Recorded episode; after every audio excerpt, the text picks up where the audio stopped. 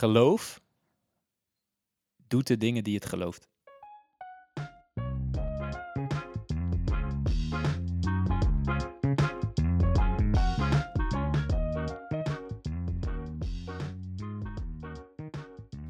Lieve luisteraars, welkom bij de, hoeveelste is het Maurits? Vijf? Vijfde aflevering van Vast Voedsel, de podcast.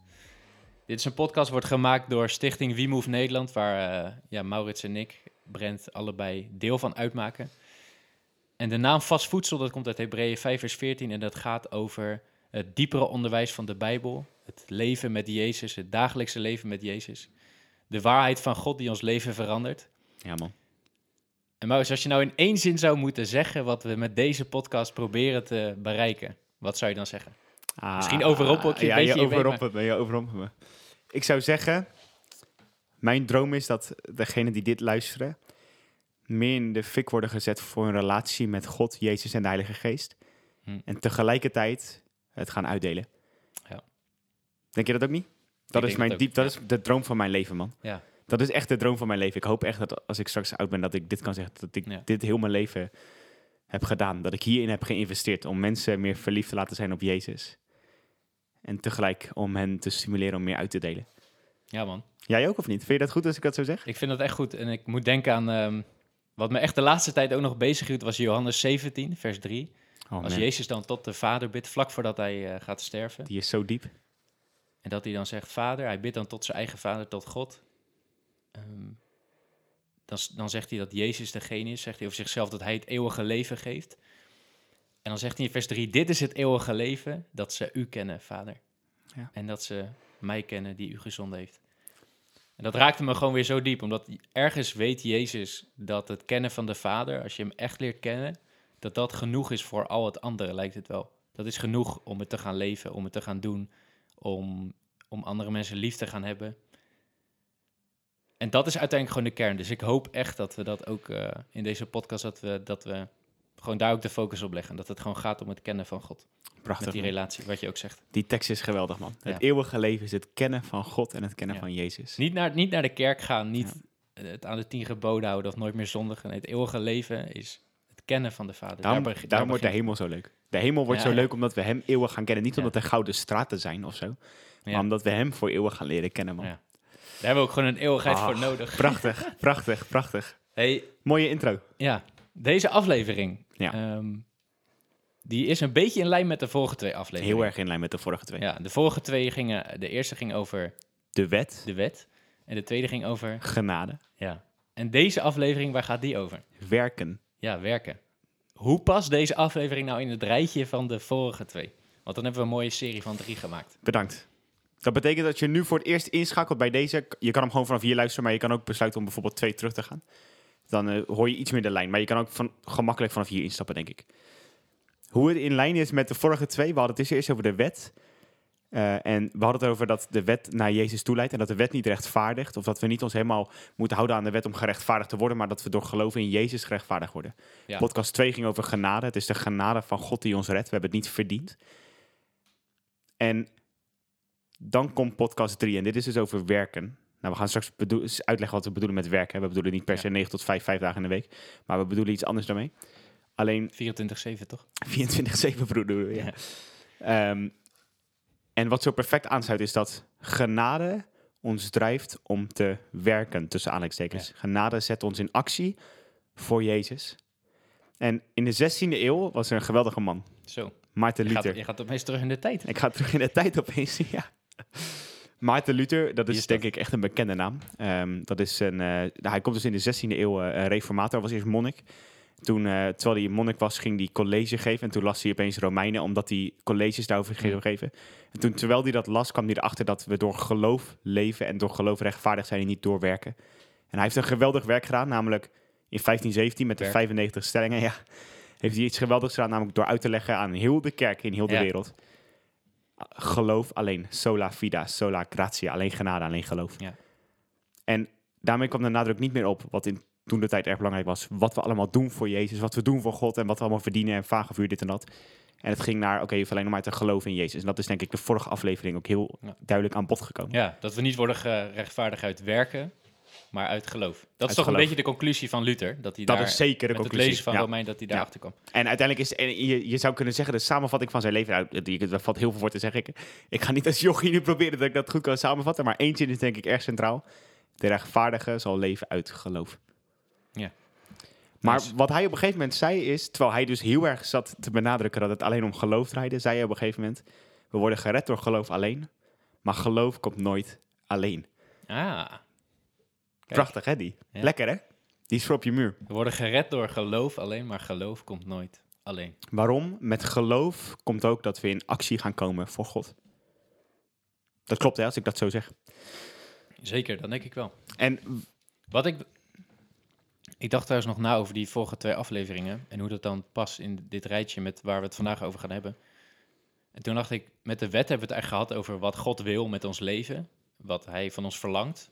Ehm, en toen kwamen we erachter dat we dat van nature niet kunnen, dat we eigenlijk tegen God ingaan. En genade verandert ons eigenlijk dat we dat wel weer kunnen gaan doen en zelfs dat we het willen. ja man, Dus jij zei net inderdaad, genade drijft ons. En ik zou eigenlijk nog willen zeggen, genade verandert ons. Dat we het gaan willen en dat we het gaan kunnen. prachtig. Maar het lijkt een beetje tegenstrijdig, want het is, genade komt niet uit, of ja, we worden niet gered door werken, maar door geloof. Alleen we gaan het nu wel over werken hebben. Dus hoe zit dat precies? Nou, omdat geloof en werken zijn niet te scheiden. Alleen we worden wel gered door geloof alleen. Dus in die zin is Ja. zijn werken niet essentieel. Ik bedoel, door werken kom ik niet in de hemel. Of ik nou jou een high five geef en 10 euro geef, wat dan ook. Dat High maakt niet... Ja, als dat werken zijn. Als, dat was echt een High- matig Een voorbeeld high weer. five om in de hemel te Een komen. Dat simpel zou voorbeeld wel heel dit. goedkoop zijn. Ehm, goed. Ja. Kijk, eh, omdat werken dus niet nodig zijn, betekent het niet dat het niet hoort in ons leven. ja, En dat is denk ik, dus daarom wilde ik even Maarten Luther benoemen. Omdat voor je het weet schieten we daarin door. Door alleen maar te focussen op, oké, geloof alleen, ik hoef niet te presteren of wat dan ook. En dat is ook zo. Ja, dat je weer het andere uh, Ja, uiterste gaat dat we het ander uit gaan zitten. En laten we eerlijk zijn, soms kan het nog wel eens gebeuren dat we vergeten in actie te komen voor Jezus. Vergeten dat het soms ook Ja. is dat we gewoon moeten kiezen om gehoorzaam te zijn aan hem. Hm. Ik vind dit echt een heel erg leuk onderwerp. Echt superleuk. Ik ook, ja. Dat vind ik echt prachtig. Omdat misschien wel geloven te veel een zaak is geworden van ons verstand. Oh, dat man. we denken dat geloven dat het voldoende is als we weten wat waar is, zonder dat we er ook echt naar handelen. Terwijl geloven, als je kijkt naar wat het woord betekent, gaat, gaat, gaat het gewoon veel meer om vertrouwen, over loyaliteit, om gehoorzamen ook inderdaad. Daar gaan we het ook straks nog over hebben. Jacobus 1 vers 22. MBV-vertaling zegt dat prachtig. Vergis u niet, alleen horen is niet genoeg. U Ja. moet ook doen wat u gehoord hebt. En ik denk dat dat zo relevant is voor onze maatschappij. Ja. Onze kennismaatschappij. Voor mensen die theologie studeren. Voor mensen die boeken lezen over kerkgeschiedenis of wat dan ook. Ik ben daar echt heel erg fan van. Ik ben daar super fan van. Graag. Ik wil ook denk ik nog wel theologie gaan doen hierna. Alleen, we moeten niet denken dat het draait om heel veel kennis of zo. Ja, en voor iedereen die gewoon in de kerk zit en voor ons. Ja, man. Vroeger ging ik alleen op zondag naar de kerk. En later ben ik gewoon gaan leven alsof elke dag het leven met Jezus Ja. was. Niet alleen de zondag. En Ja. vergis u niet, alleen horen is niet genoeg. U moet ook doen wat u gehoord hebt. Dat vind ik echt prachtig, man, die zin. Ook omdat hij een beetje, een beetje pijnlijk is. Hij is een beetje van, oeh, pas op, joh. Hij is Dat je- scherp, ja. Hij is ja, scherp, hij is ja. niet per se pijnlijk, misschien meer scherp, maar dat kan confronterend zijn. En dat is denk ik erg goed. Als het woord confronterend is, dan is het denk ik Denk erg ik goed. ook. Weet je wat ik mooi vind aan de, de beschrijving van onze podcast? Volgens mij de eerste zin is... Geloven verandert je leven. Ja. Dat zegt denk ik al heel veel. Dat is, geloven is niet alleen maar accepteren dat iets waar is of zo. Of zeggen van dat klopt, dat is waar. Maar het verandert heel je leven. Dat heb jij toch ook best wel ervaren zo? Dat jij eerst vooral heel erg goed uitleg kon geven op eh, bepaalde... the- ja, dat heb je ingereld voor actie. Ja. Nee, ja, jij doet het dus allebei tegelijk. Dat is ook weer een nieuwe tak van sport. Ja. Ehm, jij hebt dat toch wel een beetje ervaren zo vroeger... dat je soms eerst heel goed antwoorden kon geven op vragen... maar Ja. dat het daarna pas echt in je leven kwam. Ja. Ja, dus ik heb echt een lange tijd denk ik wel echt geloofd dat geloven gewoon was dat ik wist hoe het in elkaar zat allemaal. Dat ik zeg maar kon uitleggen wie Jezus was en, en dat God de aarde had gemaakt en dat Jezus stierf aan het kruis voor mijn zonde. Maar ik wist nog helemaal, het begon eigenlijk bij mij dat ik nog niet wist dat er ook echt een relatie met hem mogelijk was. En dat is hetgene wat bij mij alles heeft veranderd. Omdat ik denk, als we die relatie met hem niet hebben, dan gaat werken uiteindelijk een soort verplichting worden of iets wat op ons wordt Ja. gelegd. Terwijl als we het vanuit relatie gaan doen, dan komt het omdat we zoveel van hem gaan houden en van Jezus gaan houden, dan willen we gewoon Prachtig. hem laten zien. Oké, misschien is het goed om even te zeggen, wat, wat bedoelen we met werken? Ja, Eh, Vertel. Ja, ik, ik heb het een beetje, ik zat er lang over na te denken en ik dacht gewoon bij mezelf dit. Werken is deze twee dingen in praktijk, God liefhebben en je naaste liefhebben. En Mm. dat is gewoon de praktijk ervan. En Ja. dat maakt dus dat het nu lekker makkelijk luisteren is, omdat je kan het heel erg toepassen voor iedere luisteraar op zijn eigen leven. Misschien is het zorgen voor je ouders, die ouder zijn bijvoorbeeld, of is het eh, op een eh, eerlijke manier omgaan met je geld en op een liefdevolle manier omgaan met vergeving of met een ruzie of met wat dan ook. Ja. Ik denk dat dat wel gewoon een goede samenvatting is. God liefhebben en je naast als Mm. jezelf. En dat in de praktijk, dat is denk ik wat we nu bedoelen met werken.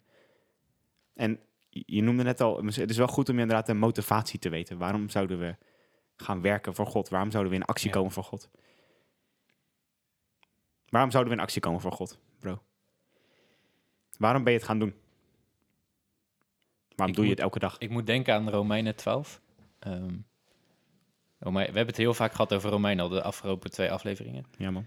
En uiteindelijk gaat Paulus dan eigenlijk genade uitleggen. En gaat hij uitleggen, oké, het is inderdaad door geloof alleen. En we kunnen zelf niks doen. En we, we zijn vrijgemaakt van zonde. We zijn vrij van het oordeel. En dan in Romeinen 12, na heel dat betoog Ja. eigenlijk. En dan gaat hij praten over de Heilige Geest, dat we nu een nieuw leven hebben. En dan in Romeinen 12, dan sluit hij het echt soort van af. En dan zegt hij, nu dan, nadat ik dit allemaal heb Ja. gezegd... Offer jezelf als het ware aan God als een levend offer en word veranderd. Ja. En dat is uiteindelijk het doel van genade. Het doel van genade is dat we veranderd gaan worden, dat we vernieuwd gaan worden. En ik denk dat ja, het genade is ook een bepaalde kracht die ons echt verandert van binnenuit.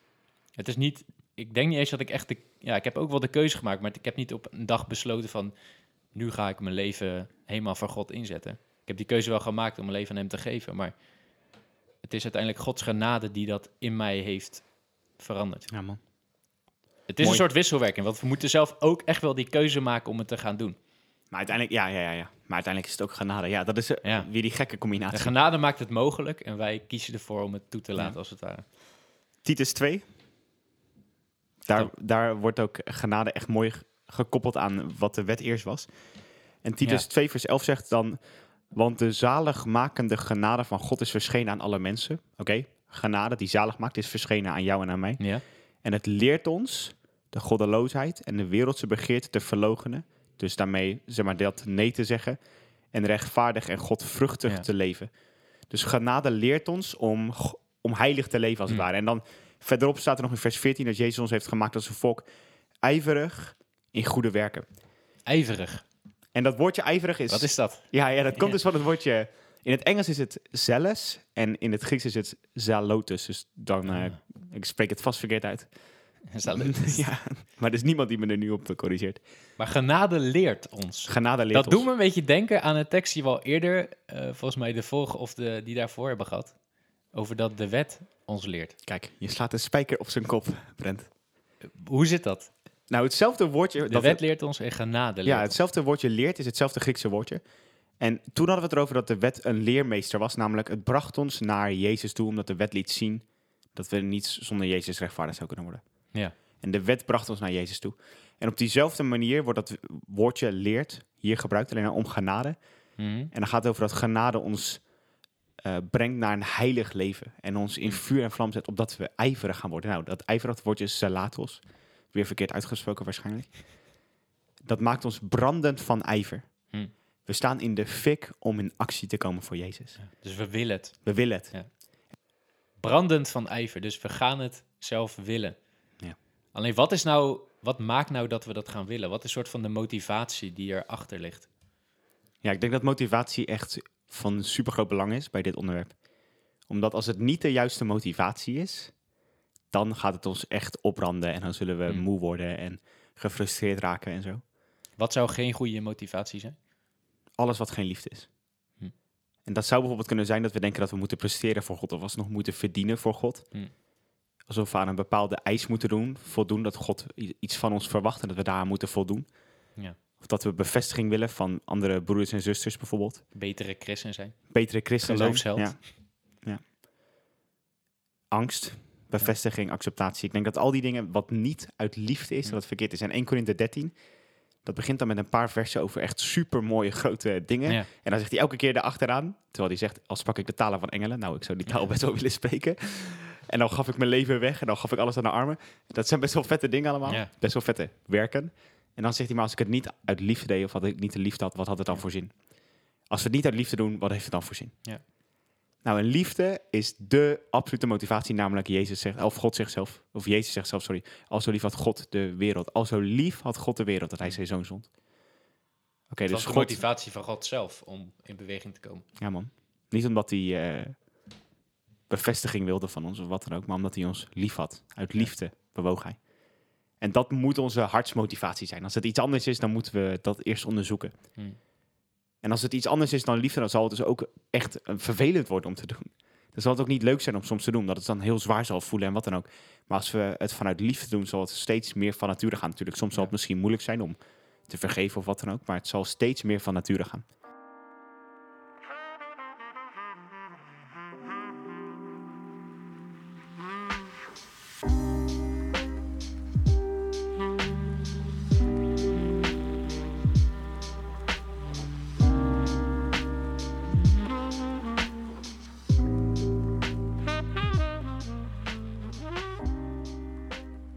Jan Sjoerd Pasterkamp, eh, een bijzondere man eh, die we een beetje hebben mogen leren kennen. Die eh, nu een Hmm. paar maanden geleden overleden is. Hij vertelde ooit een keer dat ehm, naarmate we groeien als gelovigen, dat we een beetje veranderen in gebed. En hij zei, hij zei daarbij, eh, we beginnen eerst met God, wat is uw plan voor mijn leven? Ja. En naarmate we ouder worden als christen en volwassener worden als christen, zullen we bidden, Heer, wat is uw plan met de wereld? En hoe kan ik daaraan mee gaan doen? Hmm. En ik vind dat zo'n mooi iets. Het, het is niet verkeerd om te zeggen, "Heer, wat is uw plan met mijn leven? Dat is zeker niet verkeerd. Alleen steeds meer en meer mogen we denken, hoe kunnen we uw koninkrijk ondersteunen? En Ja. uw glorie, eh, laat, zeg maar, hoe kunnen we daaraan mee gaan bouwen? Hmm. En niet meer aan, eh, wat is er voor mezelf, maar wat is er voor u en hoe kan ik daaraan meedoen? Ja. Het is een ander perspectief. Ja. We gaan het niet meer vanuit onszelf bekijken. Tuurlijk, we zijn alsnog een onderdeel van dat grote plan. Ja. Dat was het heel Gods idee. Maar we gaan het vanuit zijn perspectief bekijken. Laat uw koninkrijk komen. Ja. Net zoals Jezus gewoon weer bad, eh, of weer bad, we hebben het al eens eerder over gehad. Laat uw wil geschieden. En dat wordt de focus van ons hart. De ultieme ja, gehoorzaamheid uit liefde voor God. Ik heb wel eens, ik weet niet hoe jij dat ervaart, ik heb wel eens als ik praat over de werken van God en dat we dat ook kunnen doen, dat we ook kunnen bidden voor grote dingen en wat dan ook. Ik heb wel eens dat mensen me een soort van, eh, een beetje het idee geven dat ik soms daarin arrogant denk. Eh, bijvoorbeeld, dan is iets en dan zeggen ze mensen, ja, maar dat was Jezus, dus dat kunnen wij niet doen, dat was Jezus. En dan eh, geeft me dat wel eens het gevoel van, oeh, eh, ben ik niet zelf veel te hoogmoedig bezig? Herken je Ja. dat? Ja, ik moet gelijk ehm, aan twee woorden denken. En ik vind het. We moeten oppassen als we dat soort dingen zeggen tegen anderen. Dat we bijvoorbeeld dingen niet zouden kunnen omdat we niet Jezus zijn. Tuurlijk is het altijd goed om te bekijken. Het is altijd goed om na te gaan. Is het bijbels? Eh, is het een opdracht van Jezus? Maar we moeten oppassen dat we niet te snel zeggen: Dit kan ik niet, want dat was Jezus. Omdat het lijkt op valse nederigheid. Dat Het klinkt nederig om te zeggen, maar dat was Jezus. Maar we moeten uitkijken voor valse nederigheid. Dat we niet doen alsof we nederig zijn, maar dat we eigenlijk ehm, Gods woord, Gods opdracht aan ons uit de weg lopen. Omdat sommige dingen zijn zo duidelijk in de Bijbel dat we ook gewoon dingen moeten gaan doen. We moeten oppassen dat we niet vals nederig gaan worden. Ik vind het echt goed als je dat zegt, man. En ik wil het ook echt met liefde zeggen. Ik wil het niet als verwijt of als oordeel. Maar ik heb, ik heb dit ook heel lang gezegd eh, of geloofd. En het is, ten diepste was het bij mij valse nederigheid. Dat is wel echt diep, man. Ja. Het woordje christen, het woordje Christus, Jezus Christus, betekent... Gezalfde, En Messias. Gezalfde en ja, Messias. Messias is ook, ja, ja. ja, Messias is ook gezalfde. De gezalfde van God. Maar als Jezus Christus is Messias en gezalfd is, de gezalfde van God. En wij heten christenen, dan zegt dat ook iets over de aard van ons leven. Waar ik ook echt nog aan over nadacht vandaag op de, op de fiets, zat ik terug van mijn werk en ik zat een beetje na te denken over deze podcast. Ja. Als Jezus zegt, volg mij, dan verwacht hij dat we in staat zullen zijn om hem te volgen. Of in ieder geval het echt Ja. intens gaan proberen. En als hij tegen zijn discipelen zegt, leg de zieken de handen op en ze zullen genezen, dan verwacht hij daarbij dus blijkbaar dat de Heilige Geest hen zal bekrachtigen om dat te doen. Hmm. En in heel Handelingen zien we dat dat gebeurt. Ja. Overigens, een boek over actie is het boek Handelingen. Ik heb het laatst nog helemaal hoofdstuk voor hoofdstuk Ja. gelezen met iemand. Ja, Actie, handelingen. actie, handelingen. actie. Ja, Ja, handelingen. Dat is echt bizar. En als ik dat ook lees, dan denk ik, oh, dat is nog zo ver van mijn eigen realiteit, van mijn dagelijkse wandel. Want die gasten hebben elke dag zulke bizarre dingen. Maar we zijn dus geroepen om eh, net als Christus te leven. Het bijzondere is, dat als Jezus dus die opdracht geeft om, om hem te volgen, om dezelfde dingen te doen als die hij deed, en zelfs nog grotere, Ja, nog grotere dingen. Ja. zelfs nog meer. Johannes 12 is dit? Johannes 14, vers 12. Wie in mij gelooft, zal de werken die ik doe ook doen. Ja. En hij zal grotere doen dan deze. Je kan het ook vertalen als en nog meer, Ja. nog groter. Ja. Ja. En hoe kan dat? Handelingen 10, vers 38 gaat het over dat Jezus gezalfd was met de Heilige Geest, dat hij rondtrok door alle steden, door het land. En het koninkrijk verkondigde, mensen genas, eh, mensen bevrijden van demonen. De Heilige Geest, gezalfd. Jezus was gezalfd met de Heilige Geest. En ook wij ontvangen die Heilige Geest. En het bijzondere is, we hebben gewoon dezelfde Heilige Geest als die Jezus had Niet normaal. dezelfde kracht, dezelfde, de, degene die Jezus uit de dood liet opstaan, die kracht is werkzaam in ons. Ja. En het is echt valse nederigheid als we zeggen dat we die dingen niet zouden kunnen doen, want dan spreken we echt de kracht van de Heilige Geest tegen. Als we geloven dat zelfs Jezus uit de dood kon worden opgewekt en die Heilige Geest in mij woont, in jou woont, dan is dat alles veranderend. Jacobus 5, daar staat er gewoon één zinnetje. Elia was ook een man zoals wij. Ja. En hij bad, staat er dan. Elia, die al die dingen meemaakte, waarbij de zon stilstond, staat er in de Bijbel. Of de aarde, kunnen we nu zeggen misschien. wij zijn niet bijzonder. Nee. Wij zijn niet zo bijzonder. Wij zijn maar, wij zijn maar een, een, een aardekruik. Wat is de truc? Hij bad. Hij bad, ja. Bill Johnson zegt altijd, de Heilige Geest is als een rivier in ons. En dan zegt hij altijd, he's not a lake, he's a river. Hij is geen meer in ons dat stil ligt. Hij is een rivier die beweegt door Ja. ons heen. Dat is, vind ik echt prachtig, man.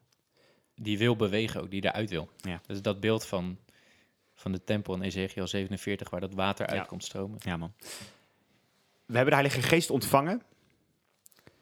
Niet om voor onszelf te houden, maar om voor te delen met andere mensen. Hm.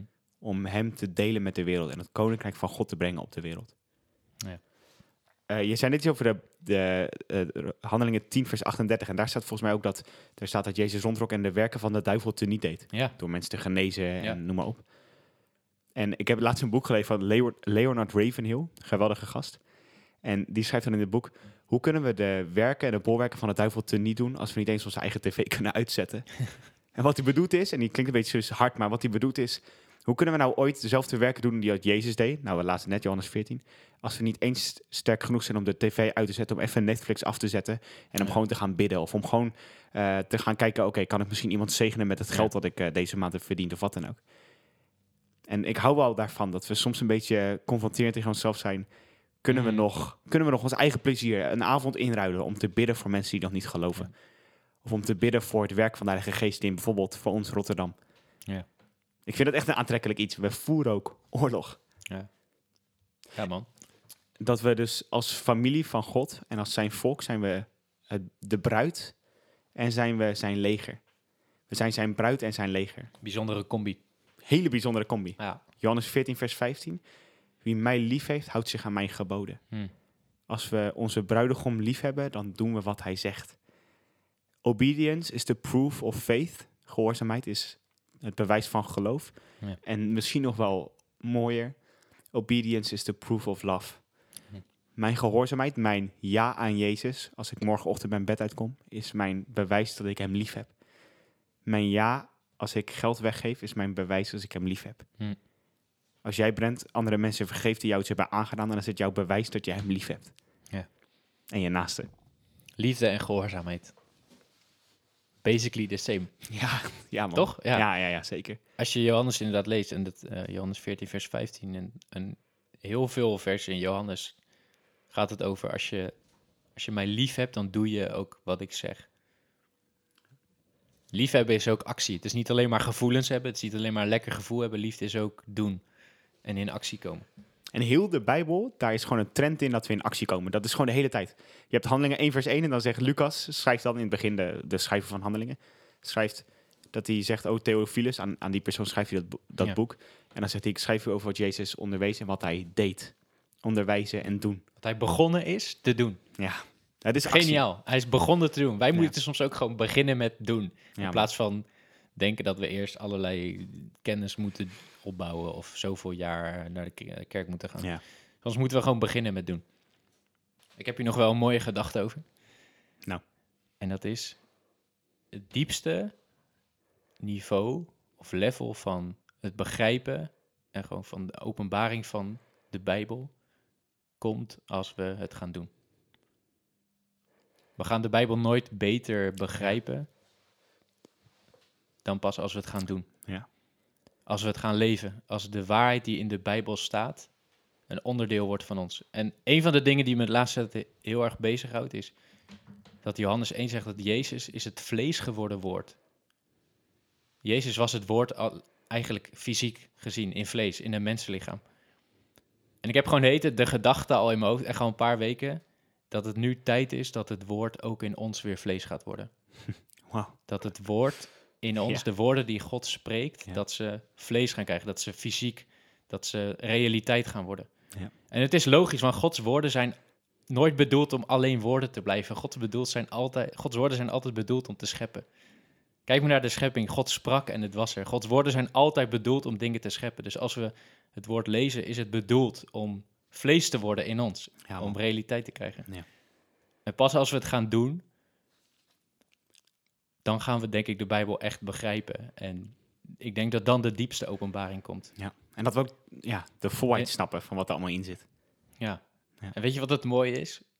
Als we dus lezen over, over zieken genezen, dan kunnen er mensen zijn die tegen ons zeggen: ja, maar dat is niet meer voor vandaag. Of ja, maar dat kunnen wij niet. Maar als ik het woord al heb gedaan, Ja. Dan heb ik het al. Ik heb het al Ja. geleefd. Sorry, Ja. je bent te laat. Ik, Ja, heb, ik ja. heb het al geleefd. Ik heb het Ja. al bewezen in Ja, mijn man. leven dat het woord van God waarheid Ja, is. man. Daarom moeten we het gaan doen, zodat mensen ook. We kunnen, ja, ja, we kunnen ons niet meer laten stoppen, als het ware, door mensen die andere dingen zeggen, omdat we hebben het al Ja. gedaan. We zijn het al gaan doen.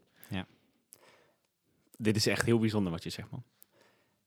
Misschien als mensen nu nog vragen erover hebben, bijvoorbeeld, we hebben het wel eens over de werken van Jezus en wat dan ook. Heb ik even twee mooie Bijbelteksten, ja. Vertel. Ja, 1 Johannes, nee, ik heb er drie zelfs, ik heb er drie. geweldig. 1 Johannes 2 vers 6. Als wij zeggen in hem te blijven, moeten we ook wandelen zoals hij wandelde. Ja. Lijken op Jezus, de werken doen die Jezus deed. Johannes, eh, 1 Johannes 4 vers 16. Want zoals Jezus was, zijn wij in de wereld. Hm. Johannes 20 vers 21. Jezus eigen woorden dit keer. Zoals de Vader mij gezonden heeft, zo zend ik ook u. Hm.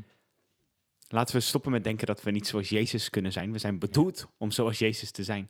En door de kracht van de Heilige Geest de werken te doen die hij deed. Ieder individu die dit luistert, Ja. is bedoeld om in actie te komen voor Jezus. Hm. Al is het door vergevingsgezind te zijn of door gewoon goed je werk te verrichten op je, bij je baan en bij je baas. Om liefdevol te handelen naar mensen die je misschien vervelend behandelen. We zijn bedoeld om dat te gaan doen. En als Paulus zegt in Filippenzen, dan zegt hij... ik zou wel naar de hemel willen gaan, ik kijk daarnaar uit, weet je wel... maar ik blijf hier omwille van u. Dan bedoelt hij daarmee, oké, naar de hemel gaan is natuurlijk het geweldigste wat er is... maar er is hier werk voor mij hier op aarde. Ja. En dat geldt voor ieder individu. God die wil iedere discipel gebruiken om iets te veranderen op de aarde. Ja. Dat denk ik echt zo erg. We zijn allemaal geroepen om op Jezus te gaan lijken. Ja. En om te doen wat hij deed. Om zijn werk hier op aarde voor te zetten. Een van de allerbelangrijkste hoofdstukken misschien, als je het over dit onderwerp hebt, ook een hele moeilijke is, Johan, eh, sorry, Jacobus 2. Mhm. En daar zit echt een paar hele moeilijke teksten in. Ja. Jacobus is echt, als je het leest, een heel ander boek dan eh, de rest van het Nieuwe Sterker nog. Luther dacht zelfs nog een tijdje dat het niet in de Bijbel hoorde, hè, Jacobus. Omdat het zo anders lijkt. Dat is Ja. echt serieus waar. Ja, Luther lag gewoon meer rare dingen. nee, geintje. Ehm, en op een gegeven moment in Johan, Ja- Jacobus 2, daar gaat het dus over. Dan, gaat, dan praat Jacobus over geloof dat dood is als het geen werken heeft. We kunnen het misschien gewoon op deze manier behandelen, want we Ja. moeten ook over niet al te lang weer afronden. Ja. Maar hij praat daar en dan geeft hij een aantal voorbeelden over geloof zonder werken. En dan geeft hij een voorbeeld dat er een man is en die, is, die heeft genoeg En dan staat er dat er een andere man is en die heeft hulp nodig en die vraagt om hulp. En dan zegt die man, eh, die rijke man zegt, I'll bless you. En die zegt, eh, ik hoop dat het beter met je gaat, maar die doet niks.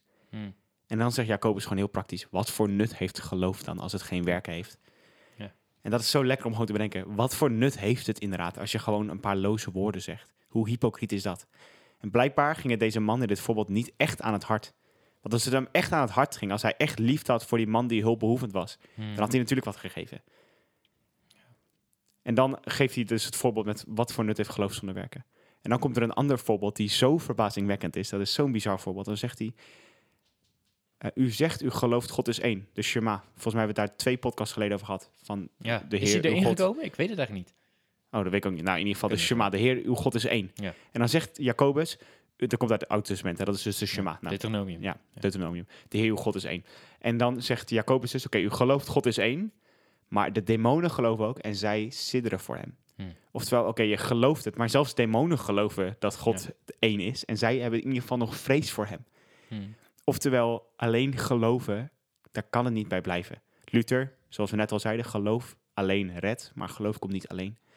Hoe kunnen we nou alleen kennis hebben, alleen maar geloven met ons hoofd, als het niet Ja. in onze hart en onze handen komt? Geloven en lak zijn, dat gaat niet samen. Terwijl we wel, denk ik, echt een Klopt dat? cultuur hebben. Ja, ik geloof het heel erg. Ik Ja. ga er nu namelijk op in. Ik geloof heel Ja. erg. Terwijl we wel, denk ik, een cultuur hebben van laksheid, man. Geloven en lak zijn gaat niet samen.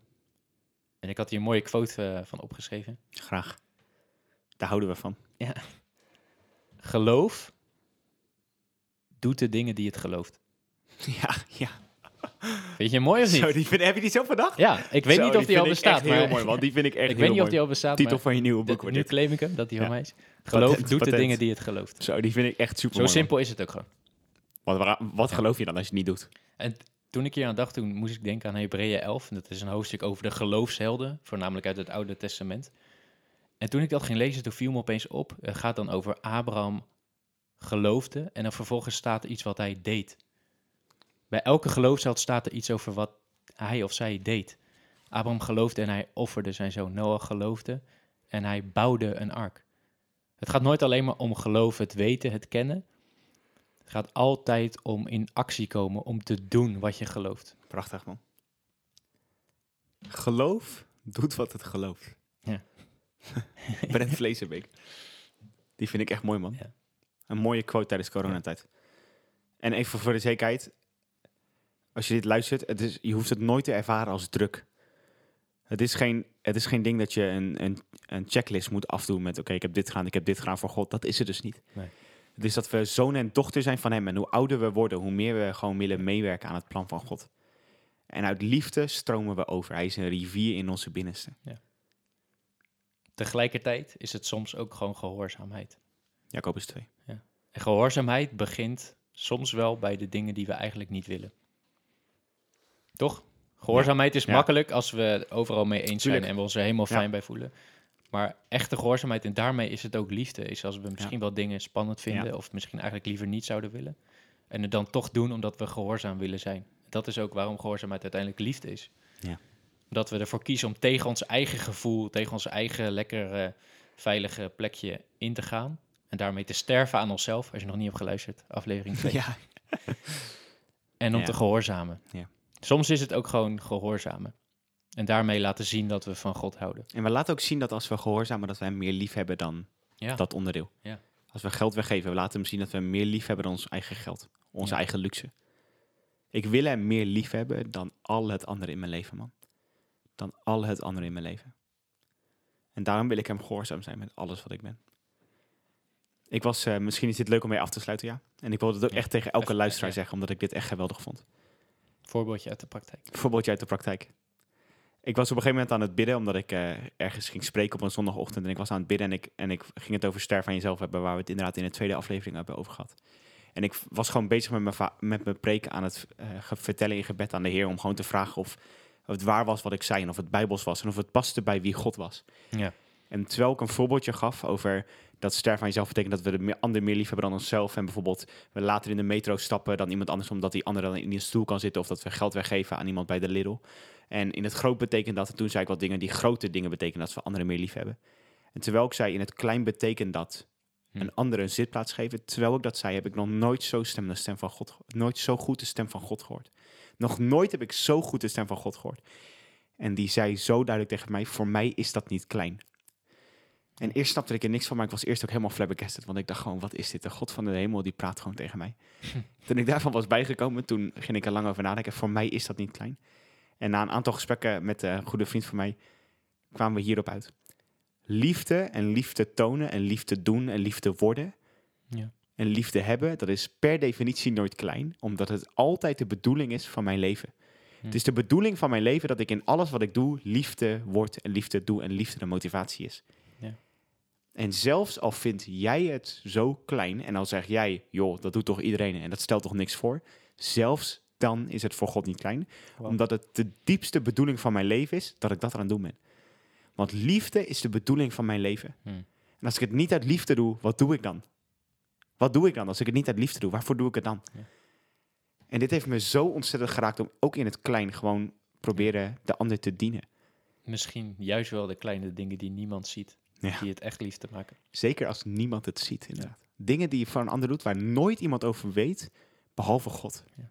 Dat laat ook iets zien over je karakter. Namelijk, wat doe je als niemand met je meekijkt? Doe je dan dezelfde dingen? Of Hele gaat dan een masker vraag, af? Ja. De kleine dingen die we doen, Zit er een quote? zijn zeer groot voor God. Misschien wel op het moment dat we op, juist op de kleine plekken, de kleine momenten kiezen om liefde te zijn, dan laten we God zien. Ja. Dan laten we iets van Hem zien. En God is altijd groot. Ook al laten we maar een klein Ja. deel van Hem zien, het is altijd groot, want we laten God zien. En dan komen we weer terug bij het woordje christen. We gaan dan lijken op Jezus, omdat we liefde worden. En ik denk dat Jezus nog veel meer dingen, Johannes zegt het ook, nog veel meer dingen heeft gedaan die niet in de Bijbel staan. Misschien wel dingen die niemand heeft gezien, maar waarin hij liefde was. En liet zien wie de vader was. En zo mogen wij dat ook gaan doen. Geweldig verhaal, man. Echt eh, thanks voor het delen. Ja, dit is mooi, hè? Dit is echt, Echt mooi. Ja, het is het verhaal van God. Het is het Ja. verhaal van de Bijbel. Ja. Ja, man. En ja, bedankt voor je prachtige quote. Ja. Hey, we gaan afsluiten, man. Ja. Ehm, zou je het aandurven om ehm, Oeh, samen te een vatten. samenvatting te geven? En misschien zou je nog met ons en misschien met, eh, met de luisteraars willen bidden. Dat durf ik sowieso aan. Wat wil je eerst doen? Kies maar. De samenvatting. Prioriteiten.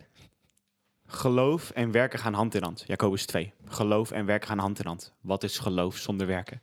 Luther zei, we worden gered door geloof alleen. Maar geloof komt nooit alleen. Geloof en werken gaan hand in hand. We zijn bedoeld om de werken van Jezus te doen. Een paar bijbelteksten genoemd waarin Jezus het ook zelf zegt. Of zoals Jezus was, zijn we in de wereld. Maar ook het woordje christen, wat ook betekent gezalfde. Kleine Christus, als het ware. We zijn bedoeld om in actie te komen. Toen kwam Brent met een geweldige quote. Maar die herinnert iedereen zich nog. Gelooft... Geloof... shit, shit.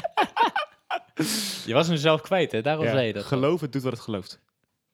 Nee, wacht. Geloof doet wat het gelooft. Ja. En misschien eh, is dat genoeg. Elke actie van liefde en elke actie van werken en dienen uit liefde is waarvoor we zijn gemaakt. Ook al is het klein, ook al is het groot. Laten we bidden. Vader, ik wil u bedanken dat u ons geloof heeft gegeven. Heer, dat u ons genade heeft gegeven dat we het geloven, Heer. En ik wil u ook bedanken, Heer, dat genade ons aanzet om ijverig in actie te komen voor u. En uw koninkrijk te bouwen. Op welke manier dan ook, Heer, om uw koninkrijk te bouwen in het klein, in het groot, Heer. Bidden voor mensen, bidden voor mensen thuis om de tv uit te zetten en op zoek te gaan naar u, Heer. Of gewoon simpelweg geld weggeven of wat dan ook, Heer. Ik bedank u, Heer, dat u ons genade geeft, Heer, om in actie te komen voor u, Heer. Heer, dat we onderdeel mogen zijn van uw plan met de wereld, Heer. En ik bid ook dat deze podcast onderdeel mag zijn van uw plan met de levens van mensen, met de zielen van mensen, Heer. En ik bid, Heer, dat een ieder die dit luistert gewoon zo super veel vrucht zal dragen, Heer. Dat we vrucht zullen dragen, Heer, en dat u meer glorie krijgt door onze levens heen, Heer. En dat elke actie van ons leven glorie brengt aan uw naam. Jezus, we houden van u. En daarom zullen we morgen ook ja zeggen, Heer. En daarom zullen we vrijdag ook ja zeggen, Heer. En daarom zullen we zaterdag ook ja zeggen, Heer, tegen het leven met u, Heer. En de dingen die u van ons vraagt, Heer, omdat we van u houden, Heer. En ik bid, Heer, aan ieder, Heer, help ons om meer van u te houden en u daarmee ook meer te gehoorzamen, Heer. In Jezus' naam. Amen, man. Tot volgende keer. Dat is eh, geweldig. Hey, lieve luisteraar. Als je weer hebt genoten van onze podcast. Je kunt reageren door te mailen naar podcast.wemovenederland.nl. We zijn te vinden op Facebook en Instagram. eh, ook WeMove Nederland. En onze website www.wemovenederland.nl. Die staat online. Hij ziet er best wel mooi uit. Is echt een moeite waard om een kijkje te nemen. Ehm, we hebben ook nog een aantal andere afleveringen dus online staan. Die zou je ook nog kunnen terugluisteren. En ik hoop echt dat je bent geraakt. Ik hoop dat je ook gewoon de keuze wil maken ehm, om je leven aan God te geven. En om je leven gewoon voor Hem in te zetten. Want Hij is het echt zo erg waard om voor te leven. En je gaat gewoon geen grotere voldoening vinden en geen grotere bestemming en doel vinden voor je leven dan gewoon je leven aan God geven. Amen. Heel graag tot de volgende keer, man. En thanks Maurits voor eh, al je voorbereiding en je mooie woorden. Jij ook, man. Love you, man. Later, bro.